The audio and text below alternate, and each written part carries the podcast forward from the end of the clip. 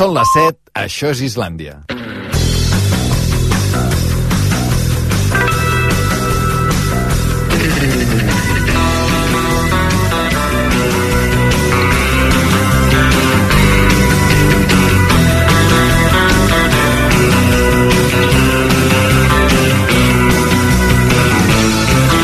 A RAC1 Islàndia, amb Albert Ong.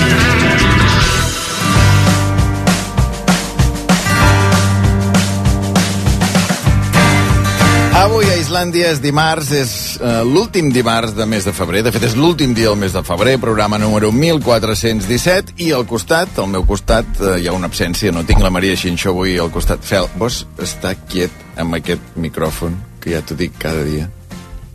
Jo des d'aquí en aquests micròfons així alts, que jo no et veig. Jo sóc petit, doncs han fotut aquí, què fa això? Bé, 70 centímetres, aquest, vull dir, sembla que hagi de cantar. Però tu fas més de 70 centímetres. Sí, però sentat amb la cadira que se'n va avall i el micro aquí dalt, penso, tiro, aparta'l que no veig l'Albert. I perdona perquè vaig fotent fres, ja en sóc conscient. Però portes molt temps fent ràdio i saps que Sí, no es però, abans, moure. però, però ara això, m'ho noto aquí els ulls, i com que sóc curt de vista i tinc hipermetropia i presbícia, bueno, presbícia és els cabells. Ets curts de vista, però veus que no hi ha la Maria. Ah, Això sí que ho he vist, per això, per Ho això m'he tret, per això m'he tret el micro. buida. Per això tret, dic, no hi és segur, i m'he tret el micro per veure. No hi és, no hi és. No hi és. Maria Xinxó, bona tarda. Bona tarda, com esteu? On ets? Doncs mira, sóc a la cafeteria, al hall d'un hotel, eh, perquè us en feu una idea, us dic que he sortit de Barcelona aquest matí a quarts d'onze i tot just acabo d'arribar eh, en aquest lloc on sóc. Al davant, si miro per la finestra d'aquesta cafeteria, hi tinc una plaça que Es fa pot saber, perdona, baixada. es pot saber amb quin mitjà de transport has marxat de Barcelona a quarts d'onze i Sí. acabes d'arribar? Amb tren. Amb tren. O Sí, sigui, des de quarts d'onze fins a les 6 de la tarda has estat Sí. viatjant amb tren. correcte. Pot ser Sí. malgrat, eh? Vull dir, si ha anat amb Renfe... Podria ser un No és hotel de Malgrat. Malgrat. A veure, no és Malgrat, no és Malgrat. No a és veure, Malgrat, Què aquesta és veus? la pista. O sigui, tu estàs al, al hall de l'hotel i si mires Sí. a fora, què veus? Doncs això, una plaça d'aquestes que fa baixada, folrada d'aquestes llambordes irregulars, d'aquestes antigues, hi ha una farmàcia, hi ha tot de gent passejant, i com tu em sembla que són cinc bancs, en un d'ells hi ha una persona asseguda, amb orelleres, jo diria que és un valent, perquè ara mateix a fora hi fa un fred que pela, un fred de por, Eh, just davant també hi tinc un d'aquests fanals antics, d'aquells que eh, el llum hauria de ser tirant a taronja, tirant a groc, i en canvi és bastant blanc, jo crec que s'han modernitzat aquí també, no? per tant deu ser, deu ser un led. Això és el que jo veig ara mateix des d'aquí. Veig també una, una noia amb una guitarra, una altra valenta, que està aquí amenitzant l'estona, la tarda, eh, aquest cap vespre, en aquesta plaça, en aquest lloc misteriós que hi he arribat després d'aquestes hores amb, amb tren. Això és el que veig ara mateix. Per tant, I a tot el banda- dia, sí. tot el dia viatjant amb tren, has arribat a una ciutat on fa molt fred, no és Sí. Malgrat de Mar, això ja ho has dit, uh, una ciutat on hi ha llambordes a terra i on diguem, el, el teu imaginari, com a mínim, el que et fa pensar és que el llum hauria de ser una mica més càlid del que és, no? Segurament. Correcte. En Fel està- m'està fent uns senyals que diu jo ja ho sé, jo ja ho sé, jo ja ho sé. Jo amb aquestes pistes ja en tinc prou. A veure, Fel, espera't, deixa, deixa que continuï la Maria. Sí, sí, sí. És possible que en Fel, com a expert, hagi intuït ja alguna cosa. Però mm, us he de dir que no estic sola. No he vingut sola aquí. Uh -huh. Estic acompanyada d'una persona, un home, un islandès, eh, un clàssic, a més a més de, dels dimarts, per tant, jo crec que poques presentacions més calen, no? Mm, Xavi Bosch, bona tarda. Què tal, Maria? Com estàs? No? Moltes hores junts viatjant, això és veritat. Però realment aquesta vista és, és magnífica, és característica, és... enamora. Ahir, eh, en Xavi, no sé si el veu veure, eh, vas fer un tuit, Xavi, eh, que deies que avui a Islàndia desvelaríem dues coses de la teva nova novel·la, uh -huh. que es publica la setmana vinent, el, el 9 de març, que ja sabem que es diu 32 de març, Correcte. eh, aquesta novel·la, i una d'aquestes coses, em sembla, que desvelarem és on passa la trama que hi ha en aquest llibre, i passa justament on som ara tu i jo. Sí, senyora, i a més a més passen al barri d'aquesta ciutat on som no només tu i jo, més gent, però això ja ho explicarem. Voleu saber on som o Fel, tens ja alguna idea molt clara? Jo, jo O sigui, jo sí que sé on sou, només a, a la tercera frase que has dit dic, que, hòstia, Vull dir, si voleu podem un concurs ara, ja sé que no, no és el moment perquè no el deveu tenir punt, però amb, amb el que jo he arribat a viatjar, mare, t'ho conec de sobres on són. Albert, vols que ho diguem o ja que ho diguin fel? jo crec que ho podem dir, perquè després de saber que us heu passat tot el dia viatjant junts, el Xavi Bosch i tu, amb tren i que heu arribat a aquesta ciutat, eh, jo crec que ara és el moment de desvelar a quina ciutat són el Xavi Bosch i la Maria Cinxó, que és la ciutat on passa la trama de l'última novel·la del Xavi. Xavi, fem, fes els honors. És París. és París. Torna a ser París. Nosaltres som París. Exacte, torna a ser París perquè no és la primera vegada que, que el París mm, surt en a les novel·les de, del Xavi Bosch, que és una ciutat que, que coneixes molt bé, no tant com en Fel, segurament. No tant, tampoc sí. tant com Malgrat de Mar. I sí, sí, us he de dir que, que hem passat tot el viatge de costat i a més ha passat una cosa mm, bastant curiosa, que és que jo eh, no duia els deures fets. No duia els deures fets vol dir que a nosaltres ens van enviar la novel·la una mica abans, la setmana passada, i no he tingut temps d'acabar-me-la de llegir. Per tant, eh, ha passat una cosa que no m'havia passat mai, que és estar llegint amb l'autor al costat i amb ell, a tu t'ha passat una altra cosa, Xavi. Que mai m'havia passat estar viatjant en tren i veure que la persona del costat llegeix el meu llibre i sentir les seves reaccions.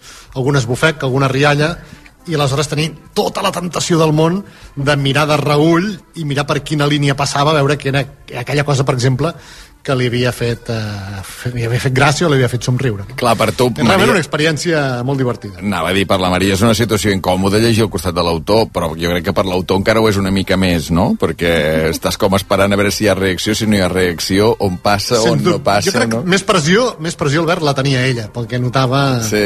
quan em veia a mi que mirava de reull, eh? però realment ha estat, ha estat diferent. I entenc que la Maria no se l'hagi acabat, que 32 de març m'ha sortit una novel·la com les últimes, una novel·la on els personatges necessiten temps per explicar-se, més aviat llarga, ella la va rebre la setmana passada i per tant aquestes gairebé 600 pàgines encara està ja per, per l'últim terç, però encara no hem, no hem arribat a, a descapdallar el que passa. A veure, jo tinc unes quantes preguntes, no sé quines podràs contestar i, i quines no, però, però per exemple, 32 de març. Em crida, em crida sí. molt l'atenció aquest títol. Trobo que és un grandíssim títol, que, que quan No els estic veus... O sigui, me l'imagino a la llibreria enmig de tots els altres llibres, 32 de març, dius, hosti, què és això, no? Pots explicar alguna cosa de per què 32 de març? No, no estic autoritzat a fer-ho encara. Les dues coses que havíem de desvelar avui era que això era París i una altra cosa que direm de seguida quan decidiu tu i, i la Maria.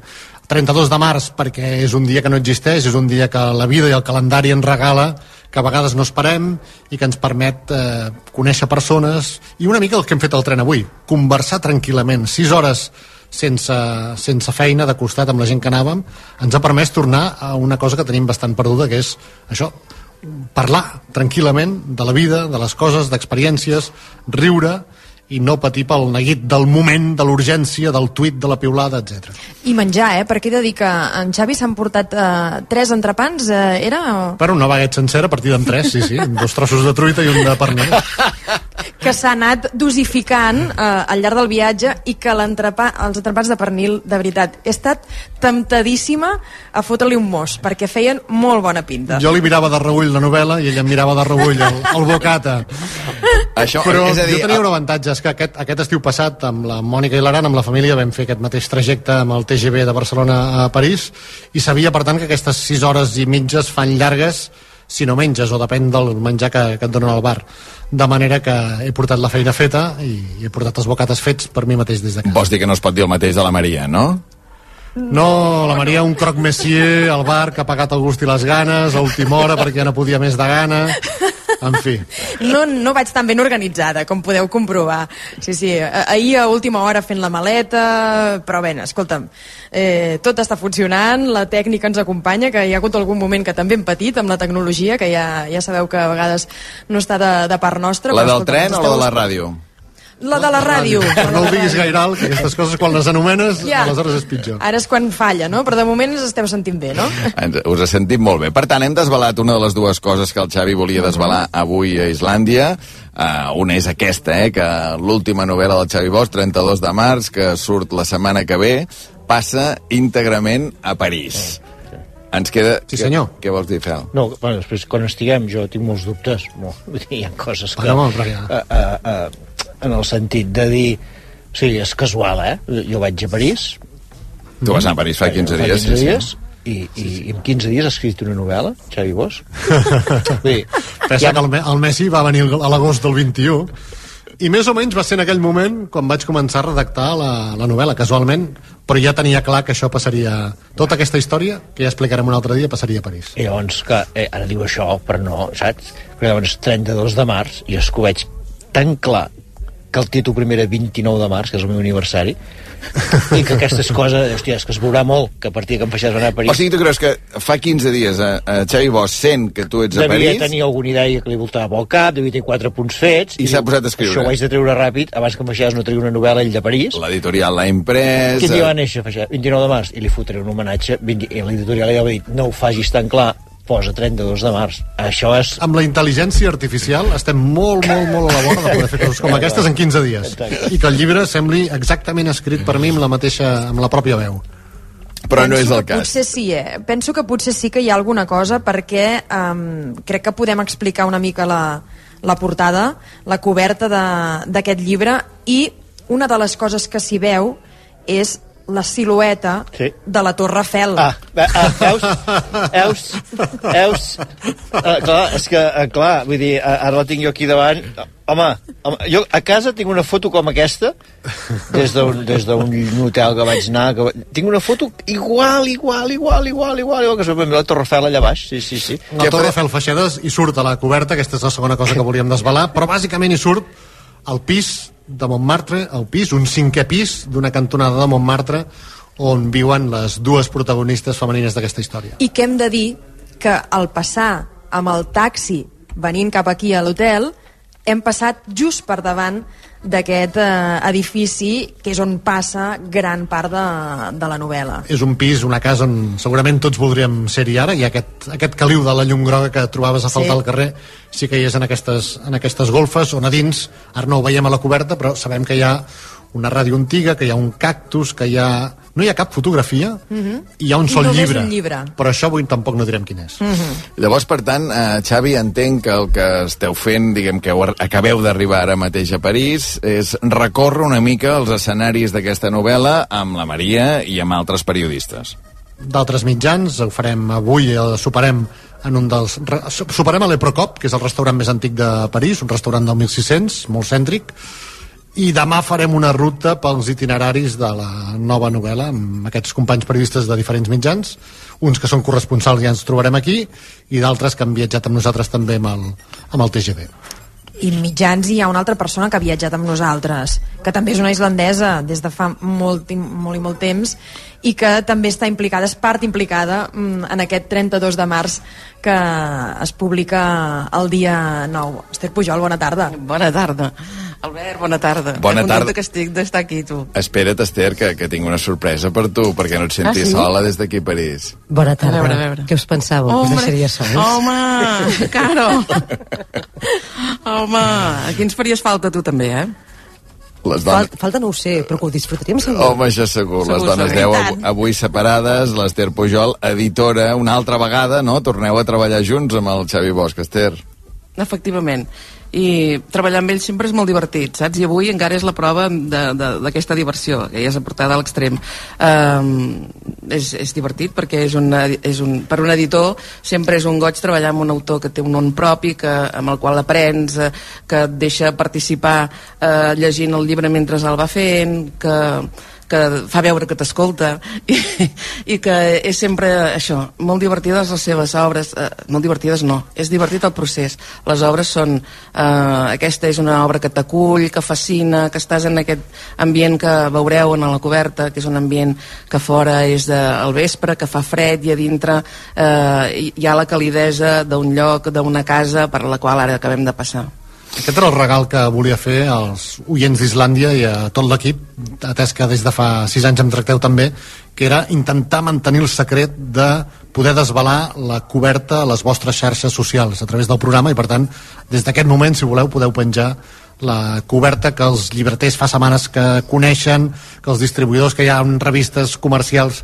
que l'ensenyen i hem aconseguit una cosa molt difícil i és que ningú no l'ensenyés. Hem demanat que fos embargada fins avui, ens ho han mantingut tothom aquest eh, secret i aquesta complicitat eh, del món del màrqueting i per tant agraeixo a la gent que ho ha fet possible i també a vosaltres que ho vulgueu difondre a partir de les vostres xarxes Al socials. revés, nosaltres t'ho agraïm a tu. Aquesta és la coberta, la podreu veure ara tots els oients a les nostres xarxes socials, la coberta d'aquest llibre 32 de març, editat a Univers per, per l'Ester Pujol, escrit pel Xavi Bosch. Passa a París, i a París és on acaben d'arribar el Xavi, la Maria Xinxó, l'Ester Pujol i altres periodistes que demà resseguiran tots aquests escenaris de, de la novel·la per fer-me una idea, Maria, més o menys quan tens pensat tornar uh, aquí a Barcelona? Si és que tens pensat tornar, vull dir, perquè veig que la cosa va per llarg, eh, què calculo? A veure, calcula, posa que dijous... Dijous, divendres. Dijous, divendres, sí.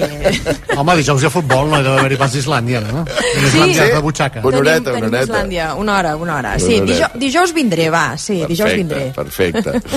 Escolta'm, eh, vull dir que, que tinc un sobre de vaticinis, vull dir que hi ha tradicions, veritat, sí, avui sí. m'ha agradat, no m'ha agradat, ens el podem saltar perquè és un m'ha agradat un- tens majúscules. Un, un m'ha agradat i un no m'ha agradat. sense, home, sense sintonia, eh? Em sabia greu per Borges no dir ni que fossin dues coses. Una, m'ha agradat molt el paisatge, el vaig veure a l'estiu però l'he vist a, l'hivern, a, a travessar, a esquinçar el mar com fa la via del tren pel mig, eh, al sud de, de, de França, abans d'arribar a Narbona durant quilòmetres i quilòmetres, durant minuts i minuts, és molt bonic, aquests aiguamolls que entren pràcticament i travessen la via.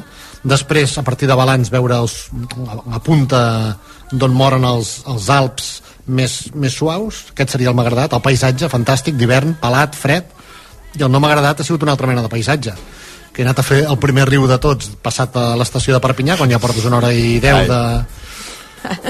I home, el tio que hi havia davant meu no, no, no ha passat la balda. He obert la porta i he vist uns genolls d'un tio assegut allà, saps?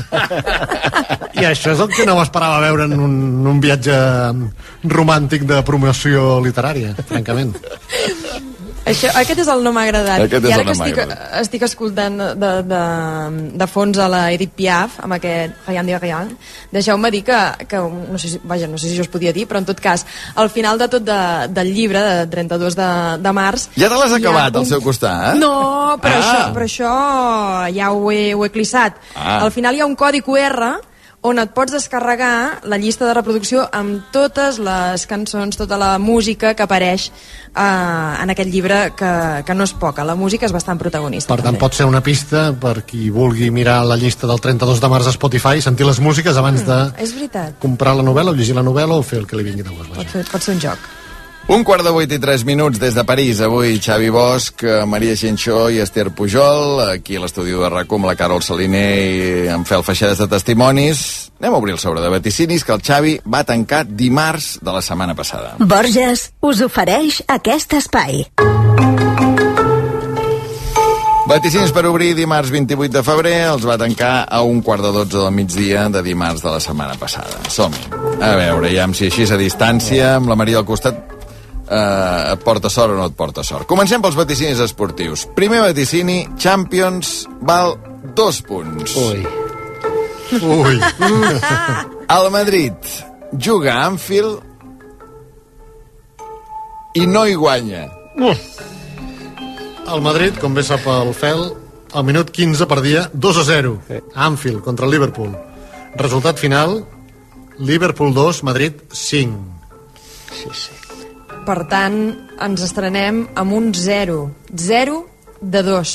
Segon vaticini, Europa League, val un punt. El Barça tampoc no arriba a vuitens de final. El Barça va començar guanyant també a camp del United, Old Trafford, però a la segona part va perdre per 2 a 1, no ha arribat tampoc a vuitens de final de l'Europa League, com no havíem arribat tampoc a vuitens de final de la Champions. Doncs t'ha donat un punt. Malauradament. a La derrota del Barça 1 de 3. Un de tres, tercer vaticini, torna a valer dos punts. Fel, gala de best a París. El millor futbolista és Leo Messi. Bravo. Això va passar a aquesta ciutat, no fa ni 24 hores, el millor del món, una vegada més, segona vegada de best, Leo Messi. 3 de 5. 3 de 5, quart i últim vaticini esportiu, val un punt, encara el de best, la millor futbolista no juga al Barça. Doncs sí, la primera sorpresa va ser ella, perquè porta lesionada des del mes de juliol, però la millor futbolista del món, per segon any consecutiu, torna a ser Alexia Putelles, que per sort juga al Barça. 3 de 6, per tant, no hi ha punt, Sí, sí. però ens n'alegrem molt per Alexia que sí. Putelles. Però veieu, tot passa a París, eh, avui. Sí. Sí, sí, sí, sí. A veure, cinquè vaticini, cinema, val un punt. Mira, una altra vegada, Premis Cèsar a París. Que fort. Pacifiction d'Albert Serra guanya pel cap baix un premi. no havia guanyat cap Goya, ha anat a França, estava nominat en nou candidatures, i s'han dut dos premis, el millor actor, molt important, i la millor fotografia, molt bonic. 4 de 7. 4 de 7, sisè vaticini. Llibres, val un punt. Encapçala el rànquing de més venuts de no ficció en català La caçadora de Masies, de Marta Lloret. Fa dues setmanes que va sortir el llibre, i el rànquing que vaig mirar dissabte a l'Ara, que és el dia que el publiquen, el llibre més venut de no ficció en català era La caçadora de Masies. Per tant, un altre punt i ja tenim l'aprovat 5 de 8. 5 de 8. Queden dos vaticinis, els dos clàssics. Penúltim, obituari preventiu, val un punt. La vida ja no li fa el pes a un artista francès. Vaig pensar que venint aquí, no?, algun peix gros, algun artista, de l'art que fos, de les belles arts fins i tot, moriria, però de moment els diaris d'aquí no en parlen. No sé els de Barcelona, però els d'aquí no en parlen. Mm, per tant, ens mantenim amb aquests 5 pelats, 5 de 9 ara mateix. I vuitè i últim vaticini, Joan Carles de Borbó continua sent rei emèrit. Aquest de moment no falla, malauradament, i per tant continua sent rei emèrit d'Espanya. I la nota final aquí, a París i a Islàndia, és un 6 de 10. Que sent el fel present a l'estudi no està malament del tot. Estava... Ets Pepe Vélez, dos.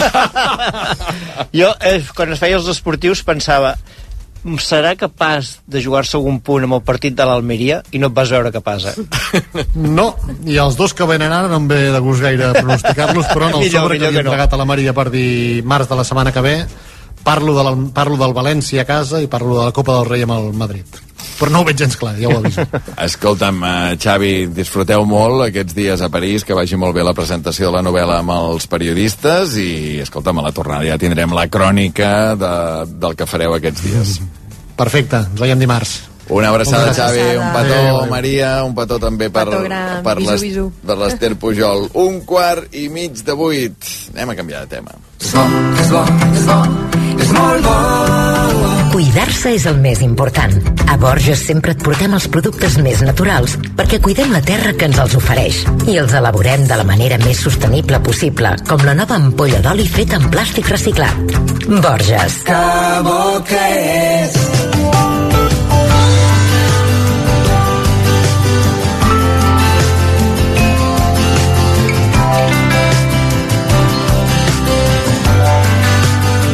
A veure, dèiem que canviàvem de tema, que anem una cosa una mica més ensucrada. Eva Catalán, bona tarda. Bona tarda. Ara sabrem per què. De fet, ahir, si ens veu escoltar, ja vam avançar una mica de, de què aniria la cosa, que us vam demanar notes de veu al WhatsApp del programa, al 669 700 300. A veure, què et va passar, Eva Catalán, divendres, que dona peu al que farem a partir d'ara?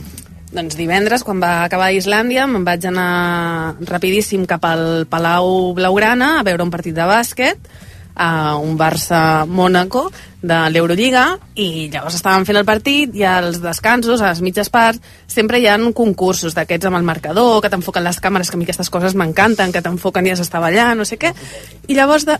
no t'agrada? Eh? No, no ho suporto. No, em, Ah, fot, em doncs- fa molt nerviós a mi tot això. Ah, doncs a mi- No vaig veure bàsquet per, perquè no em fotin fer animalades. Vull dir, Però no és animalades, és ballar, a va, va, vegades... si vull ballar vaig a la discoteca. Eva. Si vaig a, a cantar, vaig a un karaoke. A, al pavelló vaig a veure bàsquet. I punto, endavant, amb la no teva t'agradarà crònica. el que t'explicaré. Són ells, no?, que han de fer l'espectacle, no tu Exacte, com a vull dir, públic, pago, ja no? està. Mm. Llavors, eh, en aquell moment, baixa una parella i els hi, fan, els hi comencen a fer preguntes i, i passa això que podeu sentir. L'Àlvaro i la Maica participen en un concurs amb un quiz on es jugarà la Final Four de l'Eurolliga aquesta temporada. A Berlín, a Kaunas o a Belgrat. Bé, Kaunas. La Final Four es disputarà a Kaunas, molt bé. Segona pregunta, i li doc el micro a l'Àlvaro. Vols quedar-te amb mi? Aquí està, de genolls, veient-se tot pel videomarcador, i ella respon... I aquest sorollam són 7.500 persones cridant, eh, celebrant l'amor en aquell moment i us heu d'imaginar, doncs ella això, de genolls, un, amb, amb una mà al micròfon, amb l'altra l'anell, ella plorant, no no s'ho creia, va ser preciós. va Home, ser preciós. Això, això sí que m'hagués agradat, eh? Això sí que m'hagués agradat viure-ho, eh? Home, una cosa és que et facin ballar i cantar i l'altra és, collons, una cosa així, això, jo hagués acabat plorant com un dròpol, eh? Home, a mi aquestes coses també em posen, em posen tendre.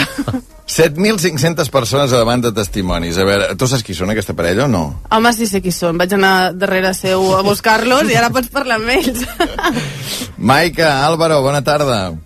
Buenas tardes. Bona tarda. Que fora. A veure, Maica, tu sospitaves alguna cosa? Nada, nada, nada. Fue, eh, vino un chico de la organización a decirnos de jugar a un juego y enseguida le dije que sí. Y, y- pero vamos, impensable. Yo pensaba que iba a jugar a, jugar un juego y, y ya está. Clar, per tant, Álvaro, tot això estava la, dins de la teva ment perversa, no? Ja ho tenies tot planificat. Sí, feia un mes, més o menys, que havia contactat amb, amb el speaker i en, un poc amagant-ho tot perquè no s'enterara ningú i fora sorpresa per a tot el món i sobretot per a ella, pues anàvem gestionant el moment. Clar, però, a veure, no sé si sabeu una cosa. eh, O sigui, sou la primera parella, la primera parella que ha fet això al Palau Blaugrana. O sigui, fins ara no hi havia hagut cap parella que havia demanat matrimoni així en públic allà. No, no ho sabíem hasta, hasta al final que quan va acabar m'ho van dir. Clar, és que és, és fortíssim. A veure, um, Maica, eh, hem sentit que vas dir que sí. Tu ja volies dir que sí? O la pressió de 7.500 persones dius, hòstia, ara no ho puc espatllar jo, això. No, no, no puc dir que no. No, no, no escuché ni vi a nadie. o sea, solo, yo, yo no me lo creía y solo vi la foto y al, al ver la foto dije, ya está, ya está, claro que sí. Clar, la foto què vol dir? Que es va projectar a la pantalla gegant, A la no? pantalla gegant es va projectar una foto d'ells dos, eh, veient el mar preciós on es, on es llegia et vols casar amb mi, i ell en aquell moment és quan s'agenolla i treu l'anell, però suposo que en aquell moment que, que no saps ben bé què està passant, bueno, ell el va veure agenollat i va dir, calla, que potser m'està fent una pregunta i he de Potser sí, respondre. potser sí. Perquè, Álvaro, tu, evidentment, tu ja ho tenies tot al cap de com tu volies que anés. Va anar tot com tu volies, com tu havies pensat, o va fallar alguna cosa? Va anar encara millor de lo que em podia esperar, perquè en el moment que jo m'engenolle i, i sent que el murmullo de la gent com es va, ens va arropar i, i, i va estar en aquest moment eh, és únic i, i irrepetible. No, no m'imaginava jo que, que, que agradara tant eh, el moment ese i el muntatge com el, el va fer el Barça eh, va ser impressionant. Maica, i a tu et va agradar que fos al, al Palau Blaugrana o t'imaginaves el- si, en un altre lloc, en un, no sé, en un viatge més romàntic, potser? Pues siempre he dicho que me lo pidiese en la Torre Eiffel, pero que va, no, no, no lo cambiaría ya por nada. Bueno, més original, sí, sí. Sí, sí, sí. Perquè, acabo amb això, Álvaro, el, el bàsquet, per què? Uh, bueno, jo sóc entrenador de bàsquet, eh, ella és jugadora Ah, i jo sóc culer, Va, culer de, tota la, de Perfecte, tota la vida. perfecte, doncs ja ella està. no havia anat mai al Palau i, i jo pensava que era un moment únic. No sabien tampoc que érem la primera parella, però, però el moment va ser imborrable. Però, Maica, no, no hi tornis al Palau, perquè potser, saps, vull dir, ara ja tens una vegada, t'han demanat per casar-te, ja està, no, no cal anar-hi tornant, no?, perquè... A, a no ser que ella li porti amb ell i li tregui un predictor dient bessons. Això ho podria superar, en tot cas. Tenim, tenim un amic molt, molt, molt culer que ens diu ara teniu que cada any eh, l'aniversari celebrar-lo en el Palau, cada Clar. volta que compliu anys. Ah, clar. Va, Maica, Álvaro, gràcies. Ara sentireu moltes més històries de gent que ha demanat per casar-se en llocs absolutament insospitats. Una abraçada, sort. Muchas gracias. adiós.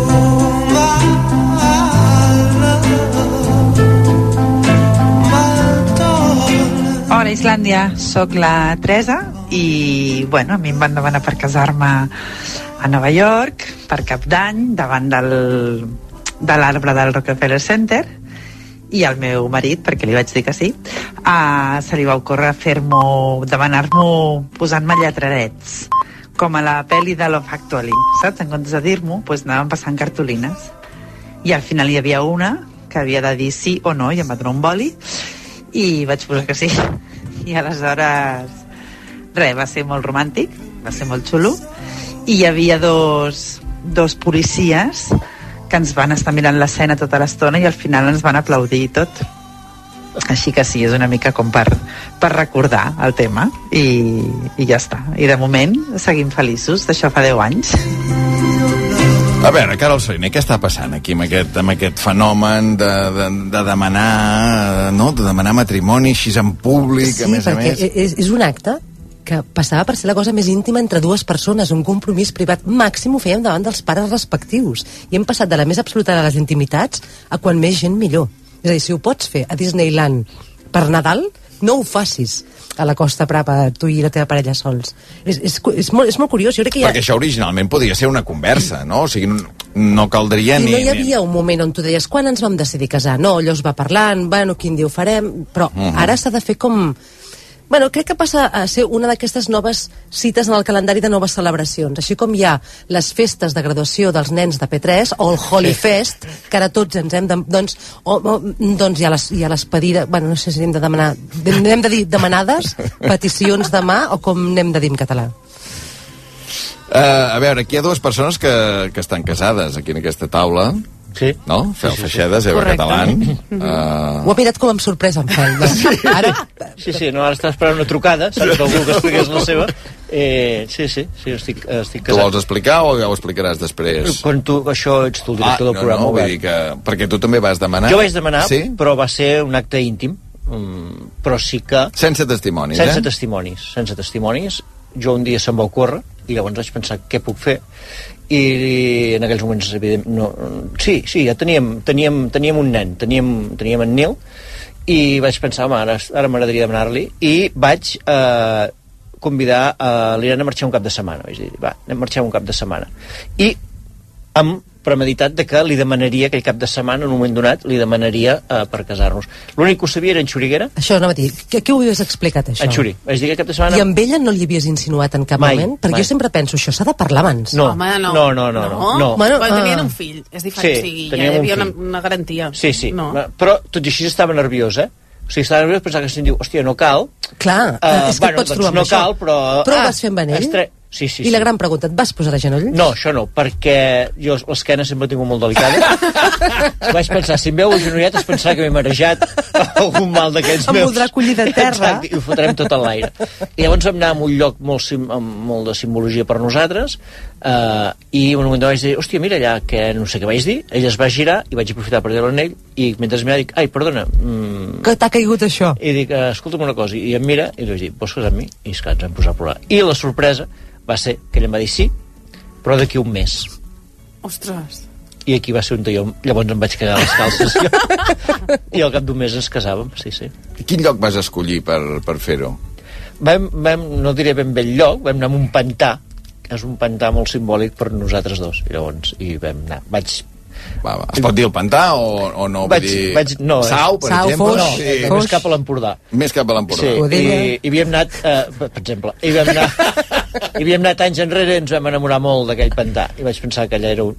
Ah, que bé, veus, escolta'm. Sí. no, no se'm hagués acudit mai eh, amb un pantà, no? Sí. Bueno, perquè allà on et fots ja és ben bé això, amb un matrimoni, no? Llavors... Sí, sí, Posa'm pantanagar, Posa'm pantanagar, també, amb mi.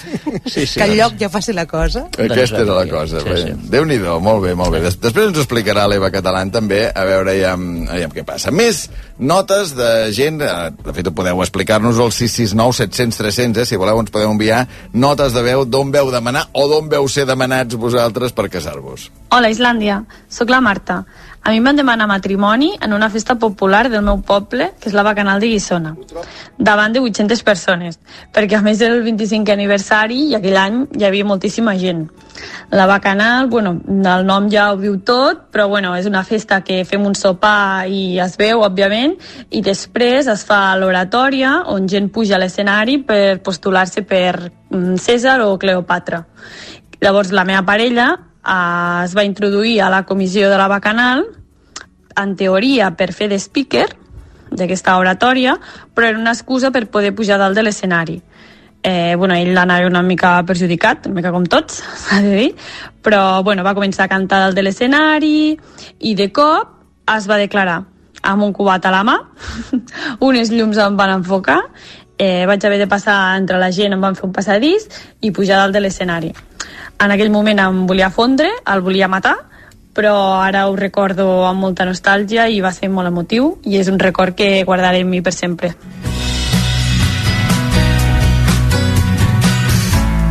A la Bacanal de Guissona, eh? Home, està bé, eh? A més, ja m'imagino que allò ho demanes i al cap de... Sí, tots els que no hi són a la Bacanal ja ho saben de cop, perquè aquell vídeo ja comença a rolar per tot Però a el veure, poble. el bar dels, de les peticions de casament, si és amb cubat a la mà, jo crec que queda anul·lat. és un fora de joc Sem molt clar, O eh? sempre tens a, a, aquella cosa de dir, vale, va, va, vull dir, te'n recordes que anava molt begut, saps? Ara fem un sèrio, ara fem-ho o bé. tirem una mica enrere, saps què vull dir? Que no. Però jo això sí que els admiro molt, perquè jo, pensant que érem sols, ja estava nerviós. O sigui, 7.500 persones, si ell arriba a dir que no, jo és que marxo del país, eh? Clar, perquè, li arruïnes la vida a aquell pobre tio. home, és que, és, és que jo això ho trobo... Clar, és que fer-ho en públic és una certa Sí, sí, pressió. sí, sí. A veure, m'han dit que la persona que tinc al telèfon, la seva història és bastant insuperable. Marta, bona tarda. Bona tarda. A Bona veure. tarda. Us he de dir, primer de tot, que em fa molta il·lusió poder explicar aquesta història per la ràdio, perquè me la guardava per mi i poder-la explicar em fa màxima il·lusió. Home, Marta, dic. que la deus haver explicat de vegades. La deus haver explicat sí, de vegades. Sí, A veure, Sí, però sempre, sempre en família, clar. a veure, detalls, Marta, va. Come comencem. Mira, jo surto amb el, amb el que és el meu marit des de l'any 2003, mira si fa anys, eh? I, bueno, va arribar el moment que es van casar tots els nostres amics, lo típic, no?, que es van casant, i arriba una època, no?, quan tens 20 i tants, es van casant tots, i vinga a regalar-nos nuvis, i res, no hi havia manera. I jo vinc a treure el tema, i ella em deia que ni hablar, que no es pensava casar mai de la vida de la vergonya que li faria. Total, que va arribar un dia que ja vaig deixar el tema, perquè cada vegada que el treia ens barallàvem. I, i ja està, vam tenir dos fills, teníem una hipoteca i em deia que més casats que això, vamos, que era impossible. Mm. Per tant, tu cap esperança, eh? Jo, zero, o sigui, al principi sí, però en, en aquell moment ja, vamos, oblidat, o sigui, absolutament oblidat el tema. Ja, mm, res. I a l'any 2015, o sigui, imagina, 12 anys de relació, dos fills i una S'havia hipoteca. de pensar, home. 12 anys que li anaves Bueno, però perquè a retraient, vegades 12 hi ha gent d'anar- que- que li costa. Dos eh? anys de Que relació, dos Sí. fills, eh? dos fills de 5 i 7 anys i una hipoteca. Um, jo li regalo pel seu cumple normal i corrent uns bitllets d'allò al febrer que eren ben baratos a Nova York i ens n'anem els dos a Nova York uh, sense nens, que també venia de gust i, i ens n'anem a Nova York a fer el turista total, eh? Turisme, doncs anem a veure Times Square, anem a veure l'Estatua de la Llibertat, anem a veure el pont de Brooklyn, fem el turisme típic i tòpic. I quan arribem al pont de Brooklyn tenim un vídeo, i això és real, que jo em pixo de riure i li dic, mira, si aquí no m'ho demanes ja és per cagar-t'hi. Perquè tots els candaus, mira que mono, mira que fàcil ho tenies, mira que fàcil ho tenies. I vinga a riure i tenim el vídeo gravat, i res, i res, i no m'ho demana, evidentment. Total, que l'endemà tenim una amiga, i això és real, tenim una amiga que treballava en aquell moment a Nasdaq, a la borsa tecnològica de, de, de, de Times Square, aquella pantalla gegant que posa Nasdaq a sota, Ai, ai, ai. i ens convida a veure el tancament de la borsa. Nosaltres anem com de convidats, que ens posen una acreditació, ens fan passar pels controls, i anem a veure el tancament de la borsa de Nasdaq. Anem a veure això com a, com una cosa doncs, de turisme més, però Mhm. que era com molt exclusiu, no? Jo estava flipadíssima de veure-ho. Total, eh, veiem el tancament de la borsa, jo tota emocionada, i quan acaba em, em fan sortir a fora com a veure la pantalla, no? Times Square, I, eh? Times Square, Times Square, Times Square, pantalla de Nasdaq, eh, on, on es projecta la Shakira quan saca videoclip, o sigui, allà. I allà em projecten una foto dels meus fills. I jo vinc a plorar, jo, ai, que mono! Però jo això sabia que aquesta noia ho havia fet amb altres nebots, vull dir, que em va sorprendre, però, però hi havia com una... Quan ho vaig veure vaig dir, ai, és veritat, ja m'ho havien explicat que això ho havia fet amb, amb altra gent de la família. Llavors em vaig girar, com jo plorava ja, eh, com una madalena, però plorava com una madalena, jo abraçant el... Ai, que mono, quina sorpresa! Llavors em van fer girar una altra vegada, i llavors va aparèixer una foto meva i de la Mili, de, de la meva parella, gegant Times Square amb un missatge en català que deia Marta, coma, et vols casar amb mi? Oh! oh! Bravo, bravo, bravo, Emili. És real. Bueno, I doncs, eh, jo, evidentment, o sigui, no podia parar de plorar, a més a més, sabeu com són els americans, el que deia l'altra noia del, del WhatsApp, no?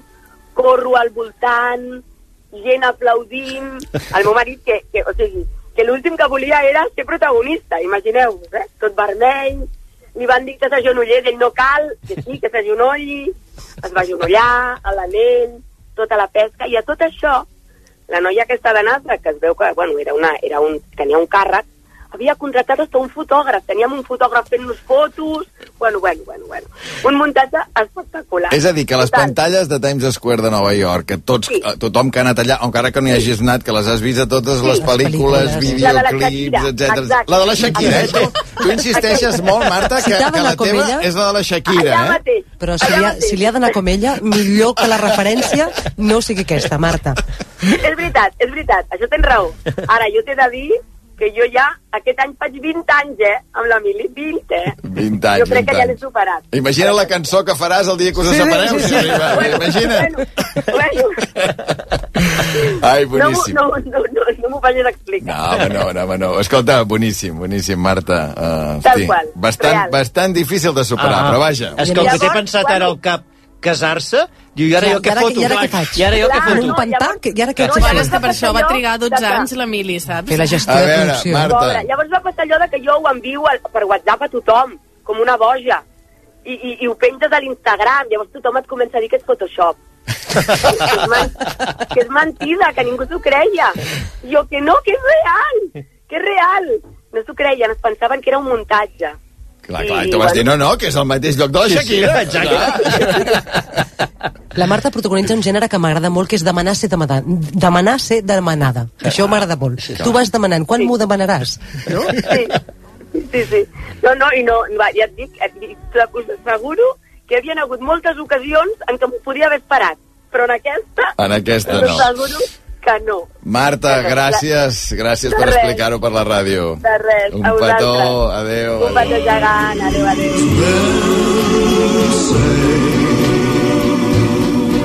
Only fools rush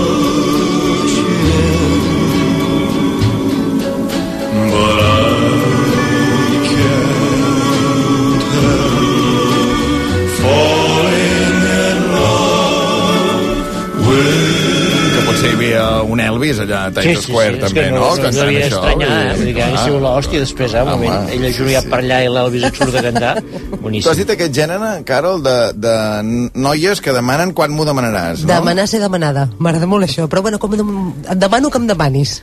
I a més a més, exigint algun lloc concret o no? Home, sí. Eh, Clar, no es pot demanar a qualsevol lloc. Apu Hi ha aquest gènere, eh, de depèn... Jo crec que són més les dones, però de apunta que et vaig donant pistes. Ves que vull que sigui la Torre Eiffel eh, a Monella i posa't de genolls, eh?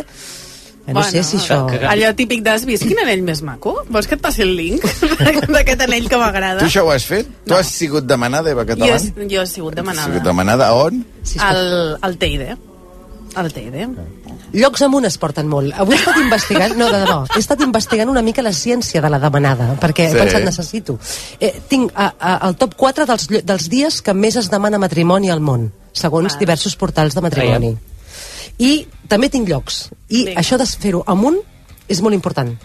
Saps? Uh, llocs on hi hagi Sí, no edifici, trobat piràmides. coves, mines, tot cap això. avall, no. Cap avall, cap no. avall, Cap cap, cap amunt. amunt. Per l'oxigen. Torre Eiffel. És per tema oxigen. per si et mareges. Sí, és perquè...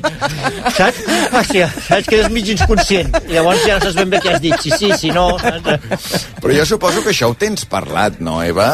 Uh, Fel, perquè si no és una situació com complicada, no? Perquè... Home, jo si tens dos dits de front crec que és una cosa que has parlat abans. O sigui, a mi se'm fa molt difícil que algú demani matrimoni si mai n'has parlat o, o com a mínim, en el teu cas, Fel, Clar, vosaltres teníeu teníem un fill... hipoteca i fill. Hipoteca dir, i fill, que era trobo- com la cirereta, saps? Sí. Però tot i així, jo estava Sí. nerviós pel que he dit Mm. abans, no? Perquè, hòstia, si és que no, hi ha com un trencament emocional, no? De dir, i al final jo almenys el que pretenia era fer una festassa, val? Vull dir que, i, i que va de signar un paper, que ja el teníem signat. Però si l'Irene t'hagués dit, escolta, jo, jo et continuo estimant molt, però no, jo no em vull casar Em amb tu. hagués sapigut greu perquè jo no recordo haver sentat a dir un dia ens casarem, eh? però els tarannars els veus.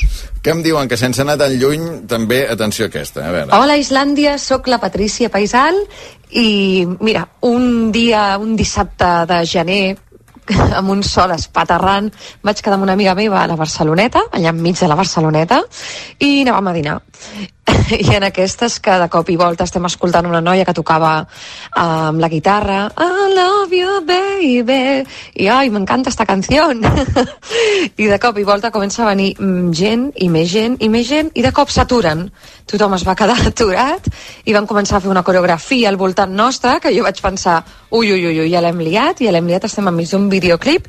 Eh, i, i, i de cop, clar, dic, no, no, és que ens estan ballant a nosaltres, ens estan ballant a nosaltres i em vaig trobar enmig d'una bueno, d'una perida de mano eh, d'aquestes de les pel·lícules americanes.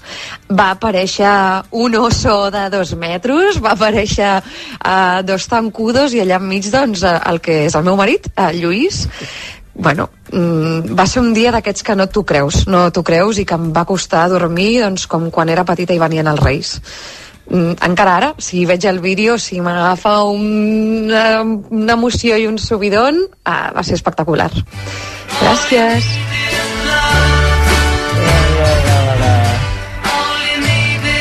Les flash mobs a més porten molt, eh? Organitzar-te... És que això, sense els Estats Units, tot això no seria, perquè allà el, el proposal és com un gènere. I sense si tu- les xarxes, no? Clar, perquè la pregunta és, tot això ho faries si ningú ho estigués retratant? Si després no ho poguessis ensenyar a ningú? No? Mm, farien exactament la mateixa parafernàlia tot plegat? Jo tinc certs dubtes. Bueno, jo crec que depèn de la persona, no? Jo crec que sí. Depèn del show que muntes. Uh, vull dir, si muntes un show és per ensenyar-ho. Clar. Uh, precisament, penso, la Marta que deia, em moria de ganes d'explicar-ho per la ràdio. Al final, són vivències personals que, uh, com que són boniques, compartir-les sempre és molt agradable. Que al final en una vida tampoc n'hi ha tantes no, d'aquestes no, no, no, vivències exacte, xules, no? sí, sí, i uh, uh, hi ha una cosa que és, jo per exemple, que la vaig ser més íntima, uh, el, el record que et queda allò és, és impagable d'aquell moment, no? Però si a més a més hi tens 7.500 persones, és que això d'aquí 100 anys, eh, un, dia, un dia faran el pavelló terra i sortirà això i faran el pavelló Mm. nou i diran, aviam qui va ser el primer perquè hi va haver una vegada... Vull dir, hosti, això és molt espectacular. A veure, pregunto, creieu que a l'ús de gas, l'ús de gas, eh, el que vol dir, hi ha hagut allò, una petició formal de Ma- matrimoni? M'estàs preguntant si s'han creat més... O sigui, si s'han No, no, creat més parelles que s'han destruït? No, això, no, no dic això, dic que a l'ús de gas, si creus que hi ha hagut algú Amb que... aquell soroll de música alta, a, mm, posar un genoll a terra, aquell terra... Bueno, mm, jo diria que no, eh? potser segons quines hores. tens raó, tens raó. Bé, eh, doncs eh, jo crec que ha passat això a l'escenari de l'ús de gas. Ha passat Ah, no, l'escenari jo a la pista, a- no a la pista, a l'escenari de l'ús de gas, perquè clar, l'ús de gas té moltes hores, té, té molts formats, té festes, sí. hi, ha, hi ha una mica de tot. I hi ha un senyor que es diu Gerard Romero, Ah, que això ho va fer a ah, l'escenari de l'ús de gas. Mira el moment, mira el moment. Mira. Si jo ara faig... Avui ens han els pares, els han els amics, i estan les amigues, i per això...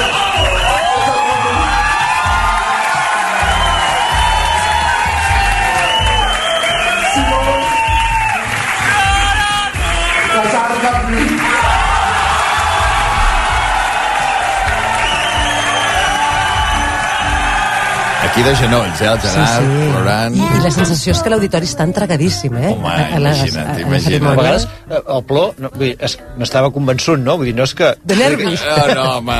Gerard Romero, bona tarda. Què tal? Bona tarda a tots, com esteu? Quants cops l'has vist, aquest vídeo? Ara feia molt de temps, eh, perquè la vida no em dóna ni per revisar vídeos, però, però, però no, no, hòstia, ara hi ha hagut un punt de, de, de record d'emoció, eh, però el vam veure, el vam veure molt, perquè evidentment eh, va ser molt sonat i tots els resums de les festes i tot arreu eh, anava, anava apareixent, però, però sí, sí. Clar, això era, No- era, una, era una festa d'aquelles que organitzaves tu, Gerard, Sí. no? Per tant, la Lis no en sabia res, no? No, no, ni la Lis ni, ni cap familiar i, i de fet només ho sabia un amic i ho va saber eh, minuts abans perquè li vaig dir, escolta, eh, agafa el telèfon, posa't allà al davant per gravar-ho tot i, el fotògraf que estigui a prop. Però no li vaig dir absolutament ningú perquè jo amb això sóc molt dolent que a la que escampo alguna cosa i dic alguna cosa eh, ho sap eh, tothom ràpidament i, i aquell dia ho vaig mantenir en secret absolutament amb uns nervis, clar. perquè clar, organitzar una festa d'aquestes dimensions sí, sí. Amb, amb 600, 700 persones que hi havia l'ús de gas, a més a més doncs, eh, haver de fer aquesta petició eh, agenollar-me allà, que per Oi, favor oi, estigui oi, tot bé doncs eh, sí, sí, eh, El- el- vaig, el- vaig, Gerard, vaig posar molts nervis. el- Quin tant per cent de nervis hi havia de la festa i del casament? Perquè havia de No. ser, la del casament havia de ser molt bèstia. Molt, molt, molt, molt. Jo quasi que et diria 80-20. Que, perquè de és que m'ho crec, és que m'ho crec, és que m'ho crec. Però en aquests casos, avi avises moltes. la parella i li dius posa't guapa, que avui és una nit especial, o no beguis Això, gaire, si de casa... Havies avui... sondejat o com, com anava això? No, no, bàsicament perquè, perquè la Lis sempre va guapa a totes les festes i està guapa cada dia. Bravo, bravo. Bravo, és que l'amor. No hi, havia, no hi havia necessitat, no hi havia necessitat de dir-li que es posés més guapa i, i al final les festes eh, doncs van una mica sempre tothom ja més o menys eh, preparat per, per fer una gran nit, per tant, no, no hi havia res preparat i com tampoc és de veure, perquè som tots dos eh, que passem d'aigua tot el dia, doncs mira, per això tampoc havíem de patir gaire. Gerard, t'havies preparat una mica el discurs o el que li volies dir? Eva, Eva, què vols que em prepari amb aquesta veu trencada, amb aquest dic que dic aquí, no, avui que estem aquí la família, els amics, no sé què, mira, aprofitem això. No, res, no, res. No, no vaig preparar, no vaig preparar res perquè eh, sóc d'improvisar massa, eh, em coneixeu una mica alguns i, i era de dir, mira, si em preparo alguna em posaré més nerviós, eh, anem al que vingui, anem a fer-ho ràpid aquí, a compartir-ho el moment amb tots els que estem i bueno, doncs el lloc ideal amb el Fede eh, que sempre ho recordarà, Fede Cerdà i, i fantàstic, fantàstic record que, que Clar, és que tindrem de, de a, va a anar. l'U de Gas han passat moltes coses. Aquesta tampoc és tan habitual, eh? Vull dir que, que passi a l'U de Gas. Gerard, et va passar pel cap un possible no?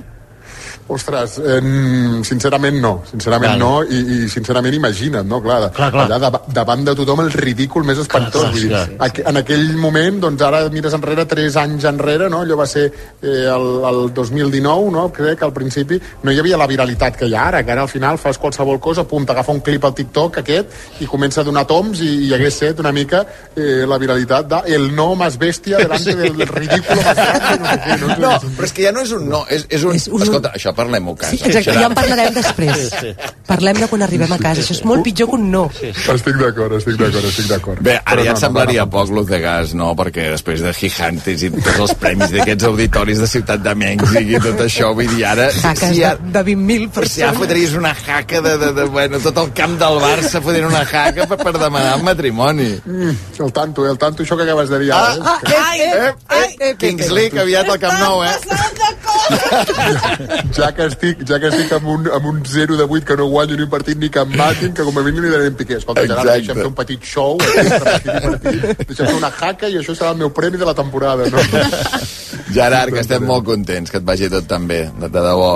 I jo agraït, i jo agraït de que, de que m'hagueu trucat i que hem compartit aquest moment en aquest programa que esteu fent i dedicar-li això, superagraït, un petó a tots els companys, ganes de veure-us, a veure si algun dia puc escapar-me i, i us vinc a veure i una abraçada i petons a tots. Un petó, sort, records Gràcies. feliç. Adéu.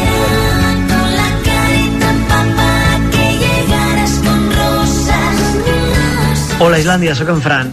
Us explico la meva experiència per demanar la mà de Georgina, la meva parella, que com no podia ser d'una altra manera, fent honor al vostre programa va ser a Islàndia al febrer del 2017. Un dels somnis de la meva dona era veure aurores boreals i em vaig posar setmanes abans d'analitzar tots els factors idonis per trobar-les. És hivern, nuvolositat i la intensitat del sol, la contaminació lumínica... Abrigar-me i tenir paciència. Ens van baixar totes les aplicacions de seguiment possibles. Aurora Now, Northern Lights, My Aurora, recordo moltíssimes. I un cop arribats a Reykjavik vam sortir a, a la captura. El primer dia sense èxit, mal temps. El segon dia vaig optar per apuntar-nos a un tour amb guies professionals per augmentar les probabilitats, però tampoc vam ser afortunats. I el tercer i últim vaig decidir tornar-hi, vam decidir tornar-hi. I quin va ser el resultat? Zero aurores. La paciència s'acabava i l'anell pesava la butxaca. Sent previsor, vaig buscar un pla B que portava imprès des de Barcelona. Un pòster gegant que tenia a la butxaca, tamanya 2, amb unes aurores boreals impressionants. I vaig tenir que usar-lo, quin remei, amb una bona llanterna. I aquest va ser el recurs que vaig utilitzar per aconseguir el esperat sí bull. A falta d'aurores, creativitat. Ja podeu suposar quins van ser els següents viatges, Noruega i Finlàndia, on sí que les van veure. Una abraçada. Això és molt Nois, el nivell està molt amunt, Home, realment molt sí, amunt. sí, jo penso que potser avui, aquest vespre, algú demanarà matrimoni a algú i s'està dutxant ara mateix pensant mare de Déu, com ho haig de fer jo, això? Bueno, és currar-se una mica, no? Però és que, perdona, hi ha moltes maneres de fer-ho, no? A veure, quina altra? Hola Islàndia, sóc la Ida i a mi em van demanar matrimoni per Sant Jordi. És un dia que a mi m'agrada molt, és el dia dels enamorats a Catalunya i per això el meu nòvio va escollir aquest dia. Com va ser el 2021 i encara estàvem enmig d'onades de, de Covid, per celebrar Sant Jordi simplement vam comprar cosetes per fer un sopar una mica elegant a casa, unes cloïsses, algo així que fes una mica de festa. Però clar, estàvem a casa vestits amb el pijama i la, i la bata. Llavors, quan vam acabar de sopar, el meu nòvio va treure la capseta de l'anell de, de dins de la butxaca de la bata. Tot eh, poquet elegant, però òbviament li vaig dir que sí i aquest agost ens espera el gran dia. Adeu. Bueno, també... No eh, volies una cosa més modesta. Aquella eh? imatge en bates la acabaràs la resta dels teus dies. Per tant, millor fer-ho així. Que ja t'hi vagis acostumant. Escolta'm, eh, em diu el Marc Ferragut que perquè totes són d'homes demanant a dones. I al revés, què? Al revés, doncs mira, hi ha una persona una persona que sembla que sí, que és una dona que li va demanar un home. A veure. Hola, Islàndia. Doncs mireu, uh, jo sóc un cas una mica especial perquè sóc una noia i li vaig demanar al meu actual marit Ara.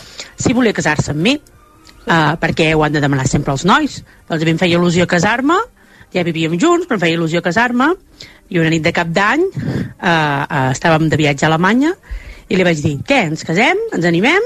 I ell va dir, sí, vinga. I així ho vam fer, val? perquè aquí al món, no? Les mujeres ja no lloren, que diuen. Ahora, de, ahora demanen. Shakira protagonista, vull dir que... te- Però, a veure, eh, molt bé, una cosa és demanar, però vull dir, hi va haver anell o no hi va haver de anell? genolls? Clar, Ah, o, per- eh, bueno, tradicionalment es diu demanar-ho? d'un un, un rellotge, no? Que tenen un peluco, les, les, les, les demanades. Jo, hosti, això m'agrada molt, eh? però em hagués agradat que hagués explicat una genollada d'ella o una... una... Mm. Però m'imagino... Perquè converses en la que porta la, la veu cantant la dona, és el Sí. més, vull dir, diria que és el més habitual. Sí. El, el, jo el que m'imagino són els tarannars, no? Jo, que gairebé tot, tot el que expliquem són moments molt emocionants per la parella, en general, no? Però eh, eh, sempre espero la reacció d'ella i en el meu cas va ser plorar i per tant jo m'haig afegir de seguida contents, no? Però al revés potser, segurament també, però hi ha aquell posat d'home que és Bueno, bueno si, si tot tu- fot si tu- il·lusió. sí, sí, sí, no? bueno. Dir Que poden ser molt tristes, eh? Les que són al revés, perquè els posats aquests... Bueno, si tot fot il·lusió... I et don l'anell i, hosti, això em va petit, eh?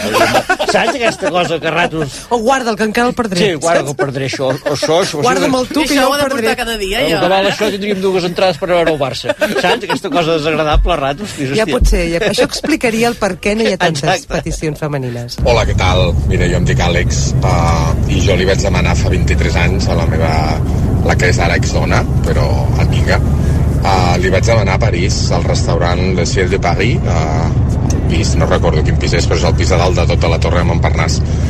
Li vaig donar al cambrer l'anell i li vaig dir que a l'hora dels postres ens el portés a, junt amb, la, amb els postres. I això sí que el restaurant, de part només d'ells, van apagar els llums del restaurant i un pianista es va posar a tocar una cançó així com a molt melòdica, romàntica i només van deixar la llum de la nostra taula. I clar, l'espectacle va ser immens, vam pensar que seria com a més íntim i al final va acabar aplaudint tot el restaurant amb, amb la imatge de la Torre Eiffel de fons Mira, veus? Una estic, estic per separar-me, per tornar-me a casar i superar tot això, eh? A la Torre Eiffel. A la Torre Eiffel. A la eh? Torre Eiffel, la Torre Eiffel. El públic és importantíssim, eh? ara sí que ho veig. Eh? Sí, sí, la claca, la claca, l'entorn, eh, sí, que sí. s'alegrin Que per sempre tu. suma. Sí, sí, sí. sí, sí. Fa més és, és eh, l'efecte també lo que necesitas es amor. Allò, he venido aquí delante de toda España. Ai, va, un últim, a la 12, va, que, que no tenim temps per més. Hi ha moltes notes, moltes maneres diferents de demanar a algú que, que es casi amb tu. Hola, Islàndia. Doncs va ser el maig de l'any passat. Vaig estar fent-me molt pesat durant molt temps perquè volia portar la meva parella a Roma i li vaig demanar a la Fontana de Trevi davant de, de 200 persones. Allà ja veieu un fotògraf allà fent-nos fotos, la gent aplaudint i, i bueno, doncs ens casem uh, aquest abril, d'aquí dos mesos. Espero que no tiressin Gràcies per l'anell enrere, programa. saps?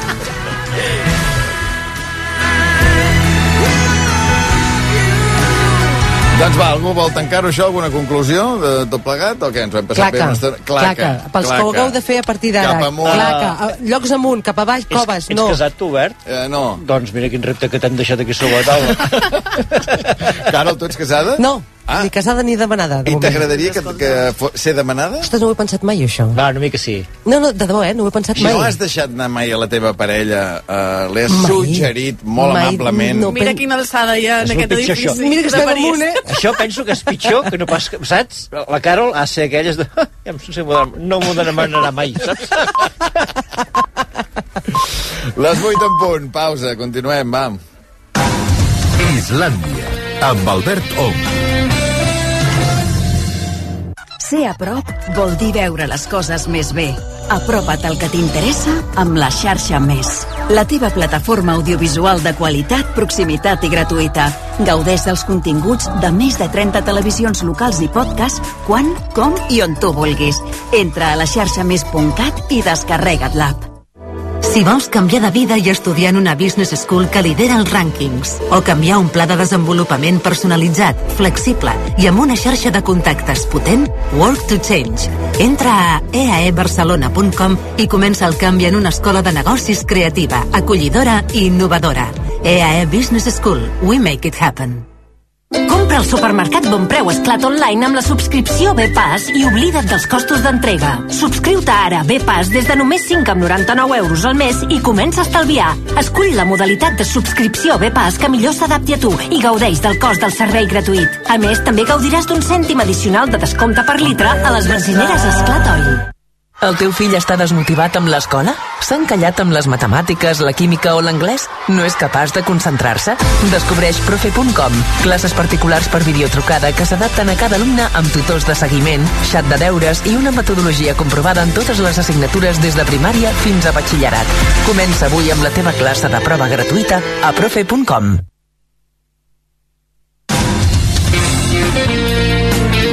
RAC 1. Jordi, què fas movent aquest sofà? I aquesta tauleta? Ah, mira, he estat pensant a canviar la distribució. No et trobes que aquest sofà quedarà molt bufó aquí? Em faràs parar boja. Final de rebaixes a Galeries del Tresillo amb descomptes fins al 60%. Encara hi ets a temps. Et mereixes aquest sofà, aquest matalàs, aquesta llar. Galeries del Tresillo. Coneixes la nova gamma electrificada de Nissan? Has sentit parlar de la nova tecnologia e-Power? No deixis escapar aquesta segona oportunitat i vine fins al 4 de març a provar un dels nostres nous models. Entraràs al sorteig per aconseguir un dels 50 forfets dobles que sortegem per passar un dia a la Molina. Consulta les condicions a la web dels concessionaris adherits. Nissan Romauto, Nissan Motor Llançà i Nissan Santi Enrique. El 4 i el 5 de març a la Garriga anem de botifarra. T'esperem a la Fira de la Botifarra amb un munt d'activitats per tota la família. Xerrades, tastos, espectacles, tallers, concursos i molt més. Una bona oportunitat per conèixer la gastronomia i el patrimoni històric, cultural i arquitectònic de la Garriga. Tota la programació a firadelabotifarra.cat. T'hi esperem! Sheku Kane Mason al Palau de la Música. El famós violoncel·lista presenta un recital únic a Barcelona. Viu una experiència inoblidable amb aquesta jove estrella de la música admirada pel públic i la crítica. Només el 9 de març. Entrades a la venda a palaumusica.cat. Respecte, rigor, professionalitat, valorar la feina dels metges, cuidar amb tot detall el pacient, llibertat dels dos per triar i decidir. Per tot això i molt més, Assistència Sanitària és l'asseguradora més ben valorada pels metges. Assistència Sanitària, la millor segons els metges. Ai, el mític Ford Mistral. Qui no el coneix? Per tots els productes que fan, són els més coneguts de la ciutat. Les ensaïmades, els mini croissants, el pa, les coques... Mmm, un obrador amb molta història, amor i qualitat. Forn Mistral, a la Ronda de Sant Antoni 96 de Barcelona. Ara, amb els nostres bunyols de quaresma, te'n lleparàs els dits. Purs, eterns, transparents. Els diamants són la pedra més preciosa i a Criso els valorem més que ningú. Per això, si estàs pensant en vendre els teus diamants, visita Criso. Comprem diamants de qualsevol mida, forma, sols o amb joia. Criso, a carrer València 256. El millor amic del diamant és Criso. Passi el que passi, no us perdeu cap detall de rac amb actualització constant a rac R-C-U.C-A-T RAC1.cat, el portal de notícies de RAC1.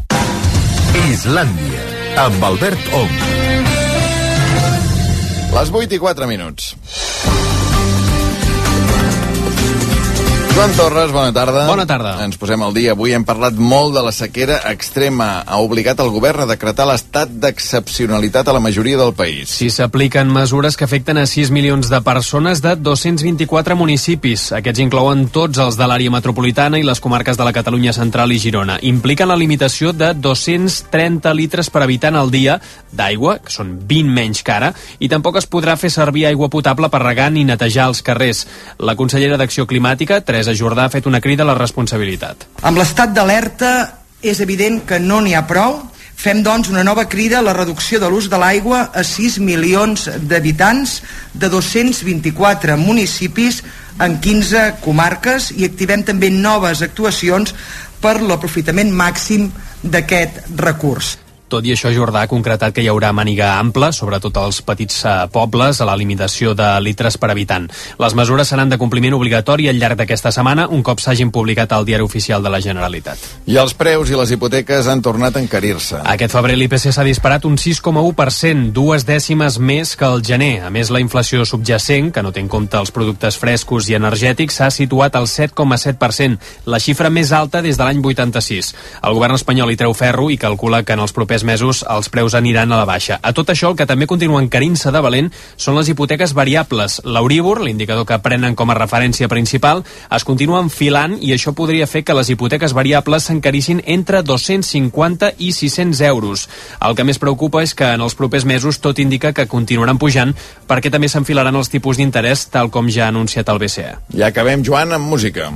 Blaumut farà quatre concerts sinfònics de gran format per celebrar els 10 anys a sobre els escenaris.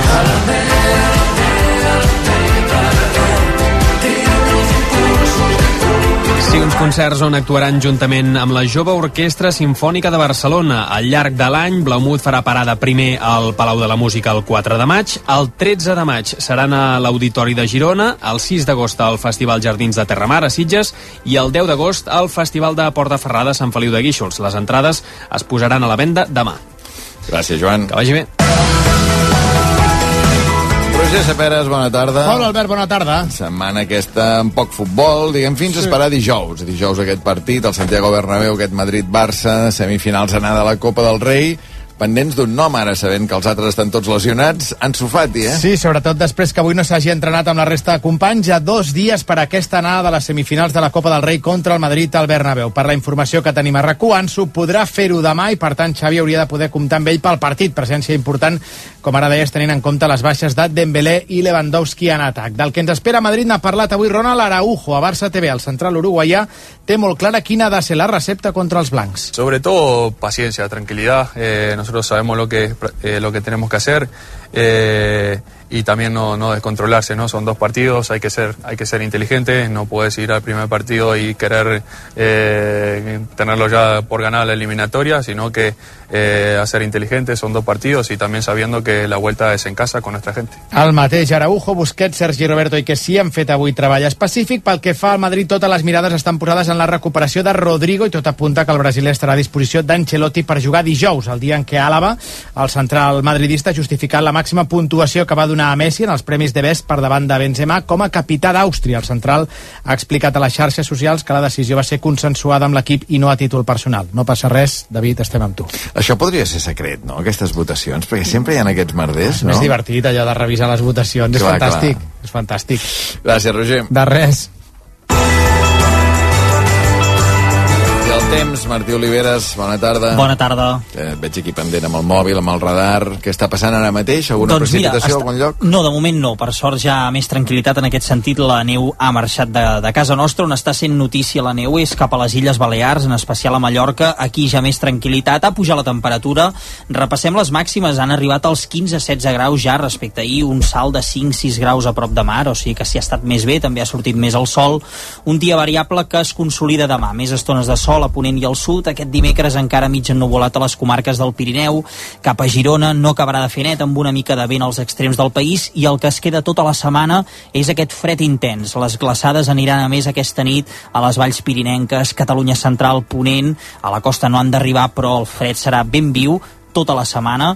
Això sí, amb poques opcions ja de pluja i neu, o sigui que aquesta sequera, eh, tot i que hem tingut aquests episodis de, durant el febrer de neu i de pluja, no, no han estat suficients i com a molt dijous lliscarà un front a veure si reactiva una mica la, la precipitació, veurem. Reykjavik. Mira, Reykjavik avui un cel mig ennuvolat tapat, encara s'han escapat alguns ruixats, ara tenen 5 graus a la capital islandesa, demà tornen els ruixats i baixa la temperatura, sobretot de nit. Gràcies, Martí. A tu, que vagi bé.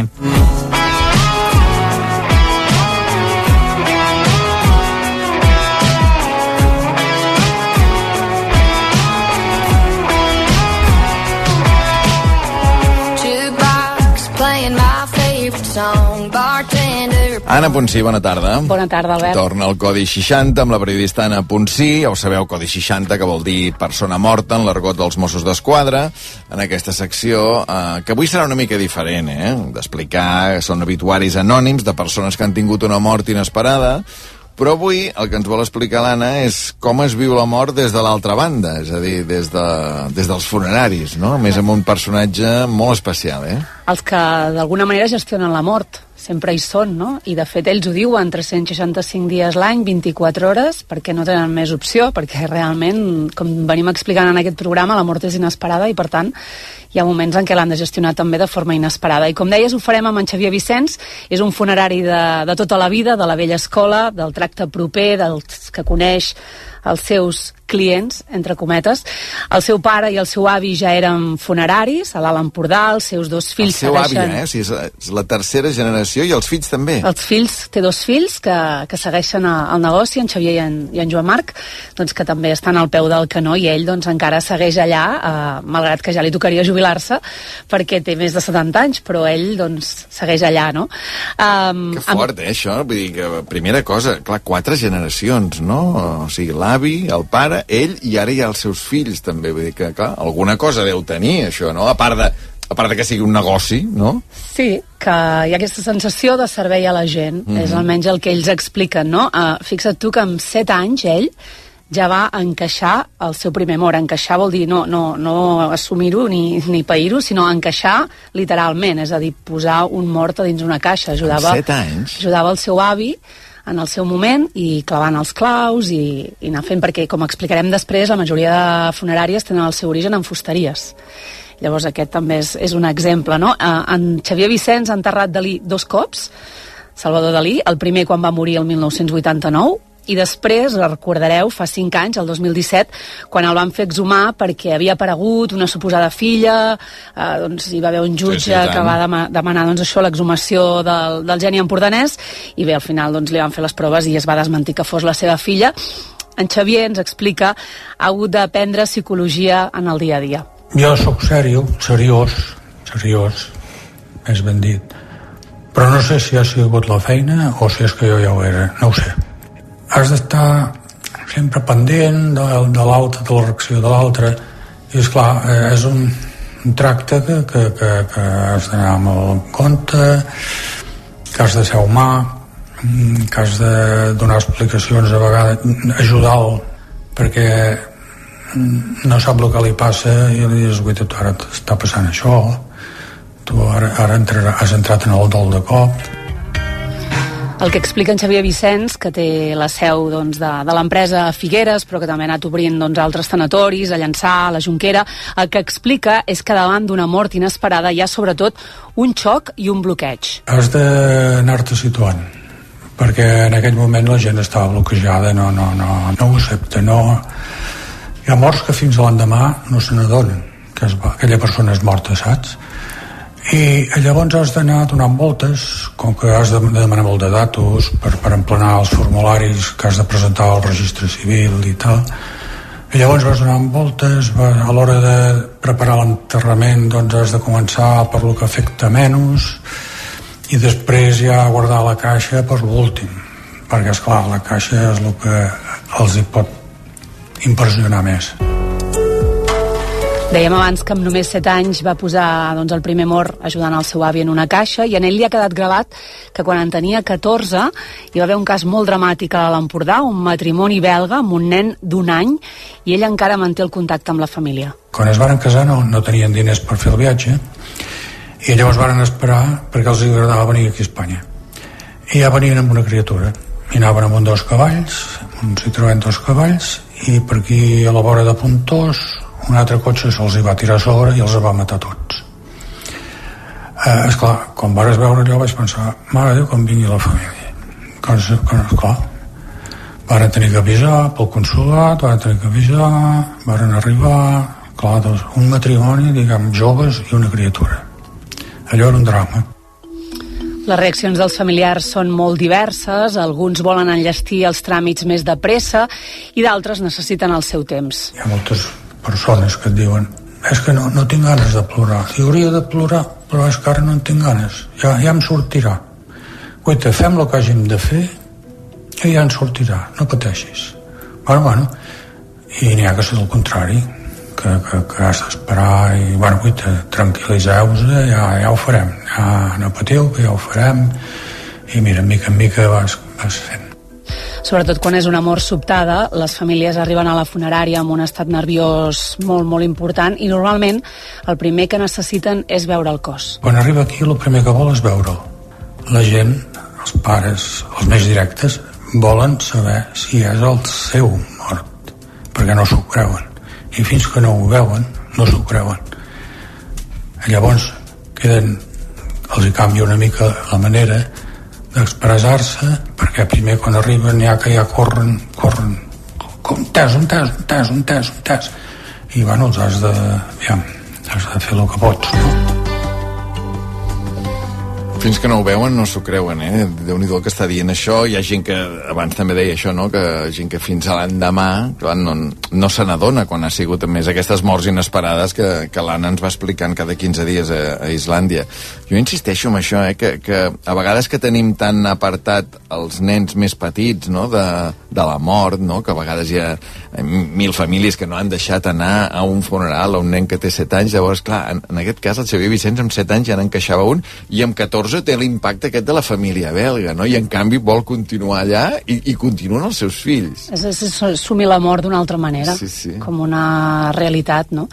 Ah, els tècnics forenses, um, normalment quan hi ha una mort sobtada, doncs si és d'origen violent o hi ha un accident, el que fan doncs, és això, fer l'autòpsia. Llavors els tècnics acusen, renten el cos després que doncs, el metge hagi fet l'autòpsia i a la funerària els seus professionals acaben d'arreglar el cadàver perquè és una situació molt important, sobretot per això que dèiem, quan la família el vol veure, però hi ha casos en què això és, és molt difícil i aleshores ensenyar el cos a aquestes famílies doncs es fa molt complicat. El difunt queda net i llavors quan arribem aquí doncs l'arreglem si es pot veure s'arregla, si no es pot veure se'ls explica a la família i si el volen veure doncs se'ls ensenya sí, perquè alguna vegada havia trobat de dir mmm, jo de tu no el veuria. Diu, bueno, sí, però jo m'aniré sense saber si és el meu fill o no. Va, tens raó. Doncs anem. I llavors estàvem amb una, un calaix frigorífic, doncs, com que els entràvem de cap ja expressament, doncs el anava estaguera mica a mica, anava estaguera mica, i a vegades et deien, bueno, no, ja en tinc prou, ja vaig a casa ell. Saps? perquè clar, hi havia hi havia vegades que... i el fotut és quan hi ha gent jove Sabem quantes empreses hi pot haver a Catalunya, més o menys, que de serveis funeraris? Hi ha una cinquantena d'empreses. Um, N'hi ha d'algunes que segurament et sonaran els noms perquè doncs, han agafat molt de territori i són més conegudes, sobretot a Barcelona, Àltima, que és 100% catalana, Mèmora, que, que era de capital risc però ha estat comprada recentment per Catalana Occident. Aquestes han anat absorbint petites empreses familiars on no hi havia aquesta continuïtat generacional que ara escoltàvem. També hi ha funeràries públiques com la de Terrassa o la de Reus o semipúbliques.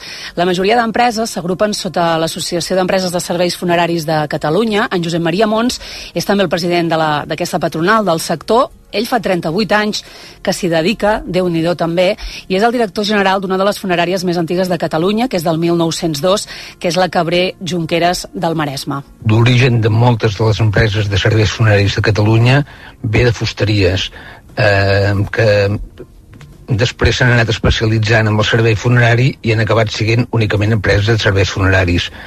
Hem de pensar que el sector funerari és una empresa que necessita treballar 365 dies, 24 hores, i això és, mm, dona una esclavitud que moltes vegades, si són empreses petites, doncs no poden suportar. I quan hi ha un canvi generacional, doncs les famílies es plantegen doncs, de vendre o ser absorbides per altres empreses més grans. Les funeràries catalanes van tramitar i gestionar la mort de més de 63.600 persones durant el 2021, són les últimes dades que tenen disponibles. Són 10.000 cadàvers menys que el 2020, l'any més tràgic de la pandèmia, però durant l'any 21 van morir 5.000 persones més que el 2019. El 52% d'aquests cadàvers es van incinerar, i és curiós, però les dades canvien molt en funció de si estem parlant de Barcelona i la seva àrea metropolitana o, per exemple, parlem de Lleida, on, per exemple, aquesta xifra de la incineració no arriba ni al 30%.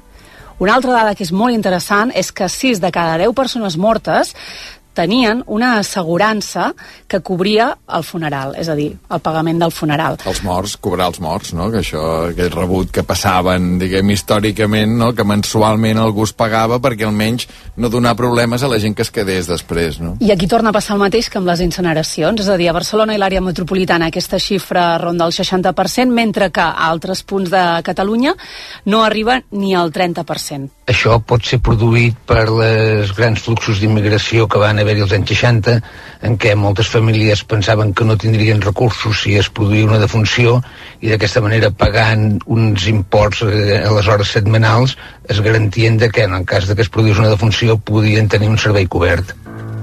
És un fet que ara també passa amb la, amb la immigració d'altres països, doncs per això, eh, per facilitar si poden pagar-s'ho, que un dia la família els pugui repatriar. És a dir, hi ha més gent a tot, en el conjunt de Catalunya que s'incinera, eh? 52%, és a dir, pràcticament meitat i meitat, però ja la incineració eh, ha superat a la inhumació, diguem, no? Exacte el tant per cent està ja, ja per sobre.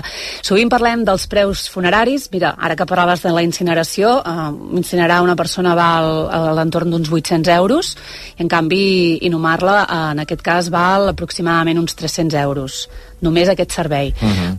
Justament la Diputació de Barcelona va fer un estudi per veure exactament aquests preus, dels quals sempre sempre se'n parla, sempre es diu que és un servei car, i la forquilla està entre els 2.000 euros, sense comptar-hi, com dèiem, aquest cost de la incineració o la inhumació, i els 5.000 euros, quan ja hi inclous tots els extras, música, eh, les esqueles, etc etc. no? I, i d'alguna manera en Josep Maria Mons, que és del sector, quan nosaltres li preguntem, és car o no és car morir-se? No només és el fèretre i les despeses en el d'inhumació o d'incineració, doncs, sinó que també en les sales de vella, moltes vegades les cerimònies, doncs les famílies ens demanden que pugui haver-hi música, també els condicionaments dels difunts, les recollides dels difunts dels centres hospitalaris o dels domicilis que s'ha d'efectuar doncs, en qualsevol moment. Contemplant tot això i veient els imports que s'estan pagant, nosaltres creiem que un servei funerari, si la família no disposa de mitjans, pot fer un, funerari, un servei funerari amb molt pocs eh, cost Clar, això és relatiu, com sempre, ja ho saps, depèn dels diners que tinguis. 2.000 euros per una persona que no tingui massa diners, doncs segurament no els hi sembla barat, però, però bé, hi ha aquesta forquilla, com, com dèiem ara, sempre i quan no, no i que comptis... més arriba en un moment molt complicat, no? En un moment que abans ho parlava també el Xavier Vicenç, un moment que psicològicament, diguem, hosti, no pots estar amb la sensació de dir, hosti, ara què més em volen cobrar? I això també, i això, i això va a part, no?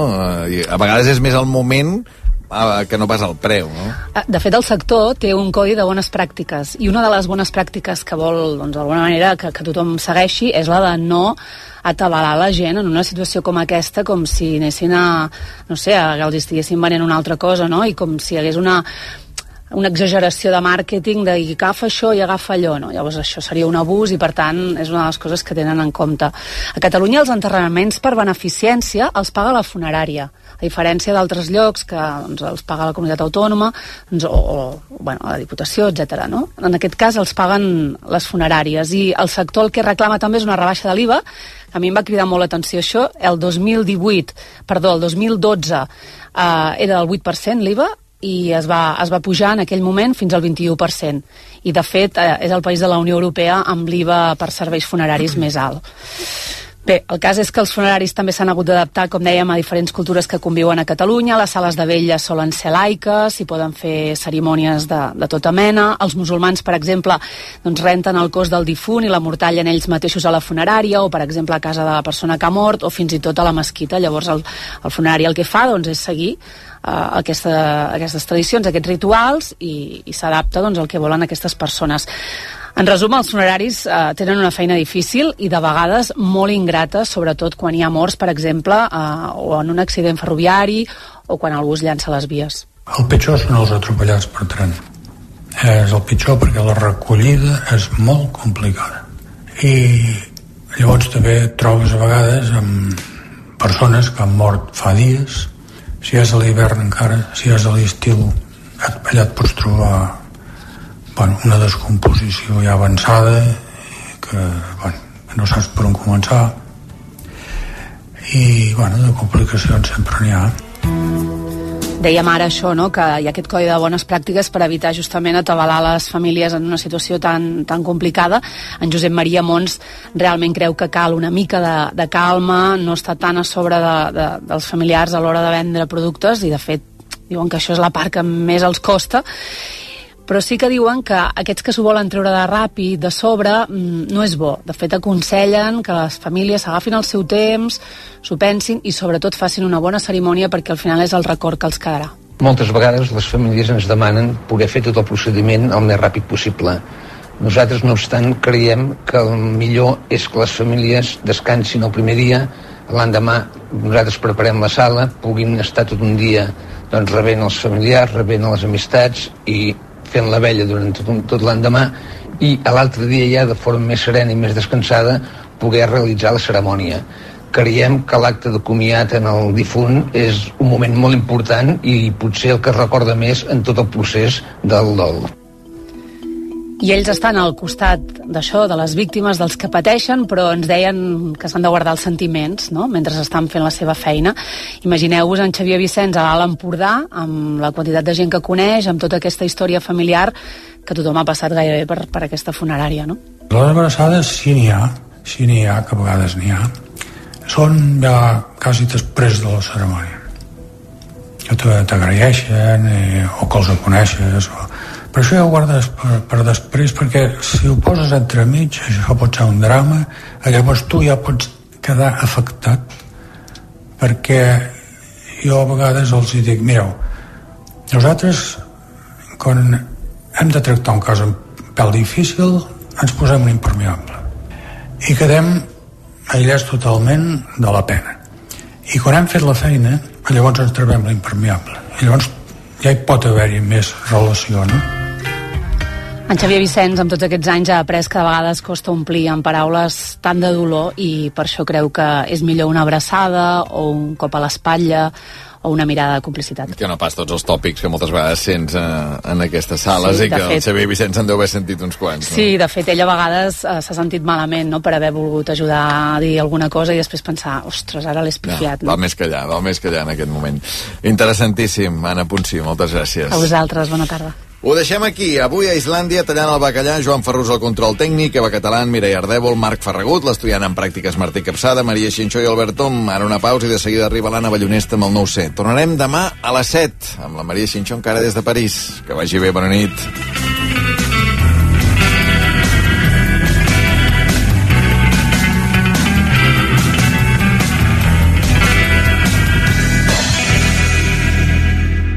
5 raons per no estudiar a l'escola Massana. 1. No és cap lloc comú. És el Raval. 2. No busquem complaure. Aprenem amb tu. 3. T'hi embrutaràs les mans. T'hi trencaràs el cap. 4. No fem graduations. Celebrem. 5. Barregem arts i disseny. Així és Barcelona. escolamassana.cat Necessites un cotxe ara? Difi Girona és un dels centres més importants de vehicles d'ocasió. Trobaràs el teu proper cotxe revisat, cuidat i garantit fins l'últim detall a la nau Difi Girona. Estem a la carretera Nacional 2 a Fornells de la Selva, a la zona dels concessionaris. O bé, entra al nostre web difigirona.com. RAC1 presenta la segona edició dels Premis DRAC. Torna el drac que reconeix iniciatives. Idees, projectes i persones que han fet millor la nostra societat. En l'últim any, un jurat escollirà els guanyadors en quatre categories. Veu de l'any, innovació, sostenibilitat, històries amb ànima. I vosaltres decidireu qui s'endú el premi a la categoria Tots som u. Voteu a racu.cat i optareu a guanyar una tauleta electrònica. Tornen els Premis DRAC. La segona edició dels premis creats per RAC1. Tots som. Amb el patrocini de CaixaBank, Kia, FIAC Assegurances i Unió Suïssa Joiers. amb el suport de la Generalitat de Catalunya. Evans, proveïdor tècnic oficial. Organitza Activity Experience. Notícies, esports, Entreteniment. tot allò que t'expliquem a RAC1 ho portem al web. RAC1.cat El portal de notícies de RAC1.